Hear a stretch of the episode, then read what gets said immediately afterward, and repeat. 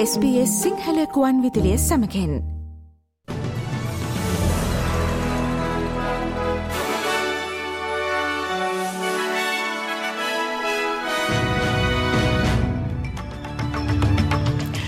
ප්‍රථමයෙන් සිරස්තල. අයවැයින් පැවසූ පරිදි සහන සඳහා මුදල් ලබාදීමේ ක්‍රමය යළි ක්‍රියාත්මක නොවන බව අගමැති ඇල්බනීසි කියයි.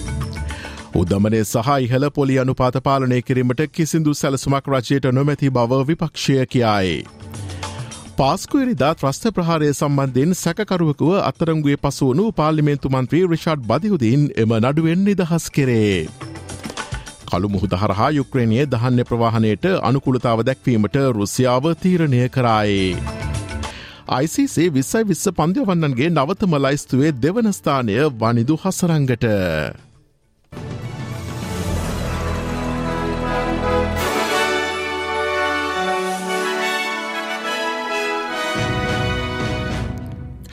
SBS සිංහල ප්‍රෘති ප්‍රකාශය සමඟ මම මදුරසන විරත්න. ඔක්තෝබර් විසි පස් වනදා මධ්‍යම රජය විසින් තම පළමු අයවැන් ඉදිරිපත් කළ සහන සඳහා අත්පිට මුදල් සහනාධාර ලබාදීමේ ක්‍රමෝපාය අහෝසිකිරීමේ රජය තීන්දුව සම්බන්ධයෙන් කිසිදු වෙනසක් සිදු නොවන බව අගමැති ඇන්තනි ඇල්බර්නිසි පවසයි. අයවැන් අනතුරුව රජයේ මෙම තීරණය මතබෙහිදයට ලක්විය. එසේම ඉදිරි වසර කිහිපය සඳහා ඉහළ ජීවන වීදම් සහ වැටු පහත වැටීම් පිළිබඳවද අයවැෑ ලේකන විසින් පුරෝකතනය කොට තිබින. අයවැන් සහනදීමනා ලෙසට මුදල් ලබා නොදීමට ආණ්ඩුවගත් තීරණය ආරක්ෂා කරමින් අගමති ඇල්බනිසි පවසා සිටියේ සහන අවශ්‍ය ජනතාවට මුදල්දීමනා ලබාදීමෙන් අපේක්ෂිත යහපතර වඩා හානියක් සිදුවනු ඇති බවයි. My colleagues and I understand there are many people feeling the pain of rising prices, especially off the back of a decade of stagnant wages. And the easy option would have been for us to funnel these savings straight into a cash splash, a one off giveaway to buy a headline. Cheap politics, but hugely expensive economics. Untargeted spending would actually make the problem worse. මේ අතර රජය සිය ප්‍රධාන මැතිවරණ පොරොන්දුවක් ඉටු කිරීමට අපොහොසත් වී ඇති බව ෆෙඩරල් විපක්ෂය චෝදනා කොට සිටේ. උදමනය සහ ඉහල පොලි අනුපාත පාලනය කිරීමට කිසිදු සැලසුමක් ප්‍රදර්ශනය කිරීමට වත්මන් ලේබ පක්ෂය රජය අපොහොසත් වී ඇති බව බහන්ඩාකාර කටයුතු පිළිබඳ විපක්ෂ ප්‍රකාශක ඇංගස්ටේල පවසා සිටේ. නැශනල් ප්‍රෙස් කලබ් හිදී මාධ්‍යමතමින් ඔහු පැවසුවේ රටේ ආර්ථිකය යථාවත් කරලීමේ ප්‍රධාන ප්‍රතිඥාව ලබාදීමට කම්කරු පක්ෂ රජය අපොහොසත් වී ඇති බවයි. But the biggest broken promise is the one the Prime Minister made before the election. The promise that no one would be held back No one would be held back, and no one would be left behind. This is a budget that tells Australians the government knows that it's tough but doesn't have the solution. මියන්මාරයට එරෙහිව සම්බාධක පැනවීම කෙරෙහි ඔස්ට්‍රලියාවේ අවධානය යොමුවෙයි. මියන්මාරයේ දැනට ක්‍රියාත්මක වන හමුදාපාලනය හේතුවෙන් රට තුළ ආරක්ෂක සහ මානමිහිකම් තත්වය පිරිහීම සැලකිල්ලටගෙන මෙලෙස එරටට එරහිව සම්බාධක පැනවීමට ඔස්ට්‍රලියාව සලකා බලමින් සිටියේ. දෙදහස් විසියක වසරේ පෙබරවාරි මාසයේදී හමුදාව විසින් එවකට පැවති ජනතා චන්දයෙන් තේරීපත් වූ අවුන්සන් සූචිගේ නායකත්වයෙන් යුතු රජය පෙරලා දැමීමෙන් පසු රට නොසන්සුන්තාවෙන් සහ දේශපාලන සාමාජීය සහ ආර්ථික කැළඹීම්වල ගිලි ඇති බව මේ වන විට තායිලන්ත සංචාරකයේදේ සිටින මෙරට විදේශමාත පෙනීවොං පවසා සිටියේ. මියන්මාරයේ හමුදාපාලකින් විසින් මානුෂ්‍ය ආධහර සඳහා ප්‍රවේශවීමට අනෙකුත් රටවලට ඉඩ ලබාදිය යුතු බවද රට තුළ සිවිල් වැසියන්ටෙරෙහි ප්‍රචන්ඩත්වයට තිත තැබිය යුතු බවද විදේශමාත්‍ය පෙනී වොං පවසයි. Sanctions remain under active consideration. We have continued to articulate our views, our deep concerns as to the abrogation of human rights, uh, the deterioration, deteriorating security and humanitarian situation, and unsurprisingly, those are matters that did form part of the discussion uh, uh, here in Thailand, but also in other parts of ASEAN as I've travelled to those countries. නිවසෞතස් ප්‍රාන්තයේ ගංවතුර තර්ජනය තවදුරටත් පවතින බැවින් සුපරික්ෂාකාරි වන ලෙසට ප්‍රාන්ත හදිසි සේවය ජනතාවගෙන් ඉල්ලා සිටියේ. විශේෂෙන් මෙම සතියාගදී ප්‍රාන්තේ මධ්‍යම කලාපේට ඇත ෆෝබ්ස් නගරේ සහ අවට කලාපය වාර්තාගත ගංවතුර මට්ටම් කරා ලගාවනු ඇතැයි පුරෝකතනය කරතිබේ. එහින් ෆෝබ්හි නිවෙස්වලට තට්ටුකොට ජනතාව සම්බන්ධයෙන් දැනුවත් කිරීමේ ව්‍යාපාරයක් ක්‍රියාත්මක බව නිවසොත්තෙස් ප්‍රාන්ත හදිසි සේවය පවසයි. පසුගේ දින හත තුළ ප්‍රාන්ත හදිසි සේවය වෙත උපකාර සඳහාවන ඉල්ලීම් දස දහසකට වඩා වැඩි ප්‍රමාණයක් ලැබී ඇති බවද ඉන් විසි හතක්ම ගංවතුර අනතුරුවලින් ගලවා ගැනීම සඳහාවනු බවද හදිසි සේවය පවසයි. කෝරා ටැම්බර්ත් ඇල්බරේ ගුන්ඩෙගයි සහ ෆෝබ් සැන ප්‍රදේශවලින් මෙලෙස උපකාර ඉල්ලීම් ලැබී තිබේ. ජන ප්‍රජා ආරක්ෂිතව තබා ගැනීම සඳහා මෙතරම් බෙහෙස මහන්සිවී වැඩකිරීම ගැන තමා මෙම ප්‍රාන්ත හදිස සේවයෙහි ස්වච්චාවෙන් කටයුතු කරන පිරිස් පිළිබඳව දැඩි ලෙස සතුරුවන බව නියෝජ්‍ය රාජකාරය අනදිනධාරී කෙන් මර්ෆි පවසා සිටේ. එසේම මෙම අනාරක්ෂිත අයහපත් කාලගුණයක් පවතින කාලසීමාවේදී හැකිතාක් සංචරණයෙන් වැලකී සිටින ලෙසත් ආරක්ෂිත උපදෙස් පිළිබඳව අවධානයෙන් සිටින ලෙසත් ඔහු ජනතාවට දැනුම් දෙයි. What we ask people to do is please ensure that you plan your route and, at all possible, avoid travel during storms and during this event. දැන් ශ්‍ර ලංකාවෙන් වාර්තාාවන පුවත් කිහිපයක්. පාස්කු ඉරිදා ත්‍රස්ත ප්‍රහාරය සම්බන්ධයෙන් සැකරුවකෝ සිටි පාලිමෙන්තු මන්ත්‍රී රිෂාඩ් බදියුතින් නීතිපති උපදෙස් ප්‍රකාරව එම නඩුවෙන් නිදහස් කිරීමට කොළඹ කොටුව මහිස්ත්‍රත්වරයා විසින් ඒ දිනේදී නියෝග කෙරෙන. අපරාධ පරීක්ෂණ දෙපාර්තමේන්තුව විසින් පාස්කු ඉරදුන ප්‍රහාරමාලාව සම්බන්ධයෙන් ප්‍රශ්න කිරීම සඳහා රිෂාඩ් බදියුදීන් මහතාව පසුගිය අප්‍රේල් මස විසි එක් වනදා අත්තරංගුට ගෙන තිබින. සිද්ධහට අදාළ නඩුව ඒ දිනේදී යළි කැඳ වූ අවස්ථාවේදී බදියතින් මන්ත්‍රීවරයා හට එල්ලවී තිබූ චෝදනාවලින් ඔහුව නිදොස්කොට නිදහස් කිරීමට අදාළ උසා විනියෝගය නිකුත් කිරින. මේ අතර පාස්කුවිරදින ත්‍රස්ත ප්‍රහරයෙන් සිදු හානිය වෙනුවෙන් වන්දීල්ලා ප්‍රහාරය වින්දිතයන් විසින් හිටපු ජනාධිපති මෛත්‍රපාල සිරිසේන මහතා ඇතුළු පිරිසකට එහිව ගොුණු කරන ලද නඩු එකසිය අටක කරුණු විමසීම සඳහාද යෙදිනයේදී දිනනීමව තිබේ. එය අනුවම නඩුව දෙසැම්බර් මස පහළසුනදා කැඳවීමට නේමිතයි. හිටපු ජනාධිපති මත්‍රිපාල සිරිසේන මහතාට අමතරව මෙම නඩු එකසිය අටහි සෙසු විත්තිකරුවන් ලෙස හිටපු ආරක්ෂකලේකම් හෙමසරේ ප්‍රනාාන්දු හිටපු පොලිස්පති පූජිත් ජයසුන්දර රාජ්‍ය බුද්ධිසේවේ හිටපු අධ්‍යක්ෂ නිලන්ත ජයවර්ධන සහ ජාතික බුද්ධි ප්‍රධානයේ සිසිර මෙන්ඩිස්සැන අය නම් කොට තිබේ.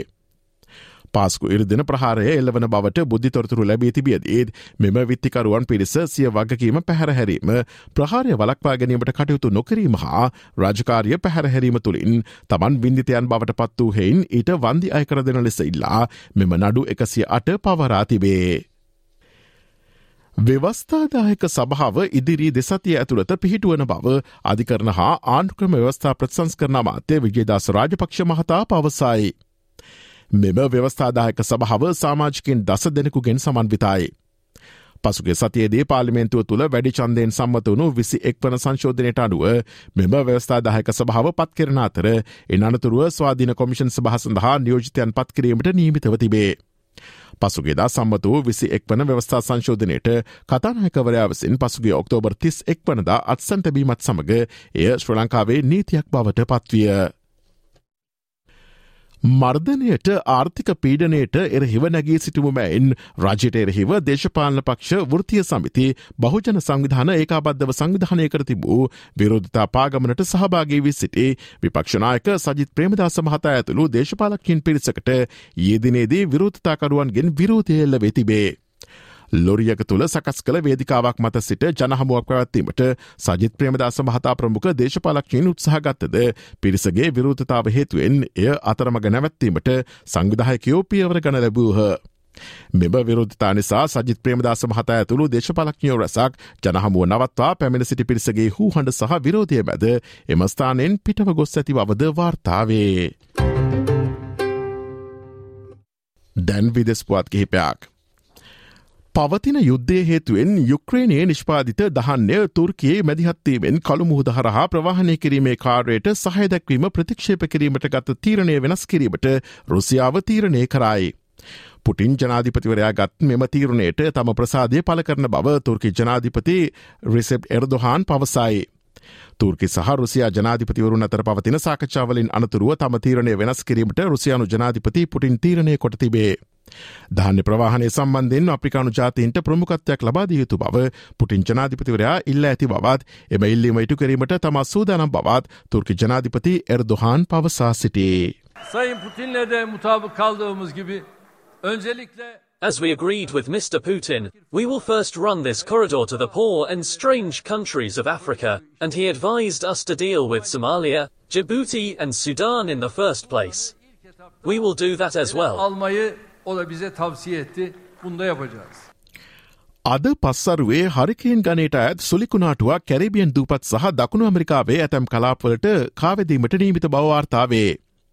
ලීසා ලෙස නම් කර ඇති මෙම සුලිකුණාටුව බෙලිස් ගවාතමාලා සහ මෙක්සිකෝවේ කැරිබියන් දූපත් ලෙසට මුහුණලා ඇති යුකටෙන් අර්ධද්දීපේ සංචාරක නිකේතන සහ සුප්‍රකට මායා සංස්කෘතියට නටපුන්වලින් සමන්විත ඉහළම සංචාරක ගමනාන්ත කරා ඉලක් කරගනු ඇති බව ඇමරිකානු ජාතික සුලිකුණාටු මධ්‍යස්ථානය පුරෝකතනය කරයි.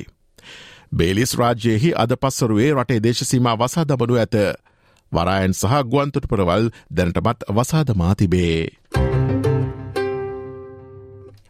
දැන් ක්‍රීඩාපුවතාක්. ජාතන්තර ක්‍රිකට් කවන්සලය ප්‍රකාශයට පත් කළ පන්දුවර විස්සයි විස්ස ක්‍රිකට් පිටියේ පන්දුවවන්නන්ගේ නවතම ලයිස්තුවේ දෙවන ස්ථානය දක්වා ඉදිරියට පැමිණීමට ශ්‍ර ලංකාවේ වනිදු හසරංග සමත් වී තිබේ. ඔහුට හිමි ලකුණු සංඛ්‍යාව හයිසය අනූ හතකේ.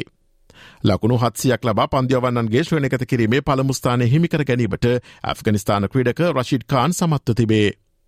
තවද මෙම ශ්‍රණිකත කිරීමේ නවවන ස්ථානය හිමිකරගෙන ඇත්තේ මහේෂ් තීක්ෂණ විසිනී. මේ අතර විසයි විස්ස ලෝක කුසලාන ක්‍රිකට් තරඟවලදී වැඩිම ලකුණු සංඛ්‍යාවක් රැස් කළ පිතිකරු ලෙසට නව වාර්තාවක් බිහි කිරීමට ඉන්දිය ක්‍රීඩක විරාත් කෝලි යෙදිනේදී සමත්කම් ලබා ගත්තේය. ඒවනතෙක් එම වාර්තාවට හිමිකම්කුයිවේ ශ්‍ර ලංකාවේ හිටපු ක්‍රඩක බහල ජාවර්ධන වුණු අතර මහිල ලෝක කුසලාන ක්‍රකට තරඟාවලදී ලකුණු එක් දහස් දහසයක් රැස් කරමින් මෙම වාර්තාව දෙදහස් දා හතර වසරේදී බිහි කොට තිබිණේ. විරත් කෝලි මේ වන විට T20 ලෝක කුසලන තරග විසි පහකට මොනදී ලකුණු එක් දහස් හැට පහක් රැස් කරගෙන සිටේ. මේ අතර බංගලාදේශය සමඟ ඇඩිලෙඩ් නුවරදී ඒ පැවති තරගෙන් ලකුණු පහක තිවුණු ජයක්වාර්තා කිරීමට ඉන්දිය කණ්ඩෑම සමත් වූහ. තරගේ ප්‍රථමෙන් පන්දුවට පහරදුන් ඉන්දියාව නියමිත පන්දුවර විස්ස අවසානයේදී කඩුළු හයකට ලකුණු එකසි අසු හතරක් ලබාගත්තේය. වර්ෂාව හේතුවෙන් බංගලාදේශ පිළිතුරුයිනිම පන්දුවර දහස්සයකට සීම කරනු අතර ලකුණු එකසිය පනස් එකක හිලක්කයක් හිමිවිය. එහෙත නියමිත පන්දුවර දහස අවසානයේදී බංගලාදේශයට රැස්කරගත හැකිවයේ කඩුළු හයක් දැවී ලකුණු එකසිය හතලිස් පහක් පමණේ. මේ අතර ඒ සිම්බාබේ සහ නෙදලන්ත අතර පැවති තරගෙන් නෙදලන්ත කණ්ඩෑම කඩුළු පහක ජයක් ලබා ගැනීමට සමත් වූහ.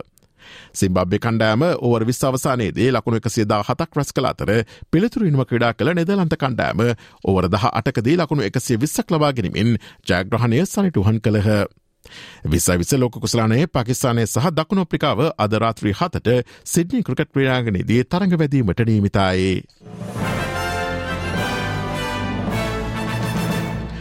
ඔස්ට්‍රලන් ඩොලට සාපක්ෂව දවසේ විනිමාන් පාතිකන් සටහන් වන්නේ මෙයාකාරය අමරිකාන් ඩොල සත හැටතුනයි බ්‍රතාන්‍ය පොම් සත පනස් හයයි යුරෝ සත හැට පහයි ජපන්නෙන් අනුතුනයි සතාසූ පහයි ශ්‍ර ලංකාරුපියල් දෙසිය තිස් දෙකයි සත හැත්තෑ දෙකයි. ඔස්ට්‍රලියාවේ අදවසේ කාලගුණ තත්වය වාර්තාවන්නේ මෙයාකාරයෙන් පර්ත් සෙල්සෙස් තිස්ස එකයි ආලොකුමත් දෙනයක් ඇඩිලෙට් දහ අටයි තරමක් වලාකුළු සහිතයි මෙල්බන් පහළවයි මද වැසි ඇතිවේ හෝබාට් දහසයයි වලාකුළු සහිත දිනයක් කැන්බරා දාහතයි තරමක් වලාකුළු සහිතයි සිඩ්නි සෙල්සියස් විසි එකයි මද වැසි ඇතිවීමට හැකි බ්‍රිස්බෙන් විසි පහයි ආලොකොමත් දිනයක් ඩාවින් තිස්තුනයි මද වෙස් සහිත දිනයක්. කොළඹ සහත දාසන්න ප්‍රදේශවල අද කාලගුණය සෙල්සස් විසි නවයත් තිහත් අතර සුලි කුණාටු ඇතිවන දිනයක්.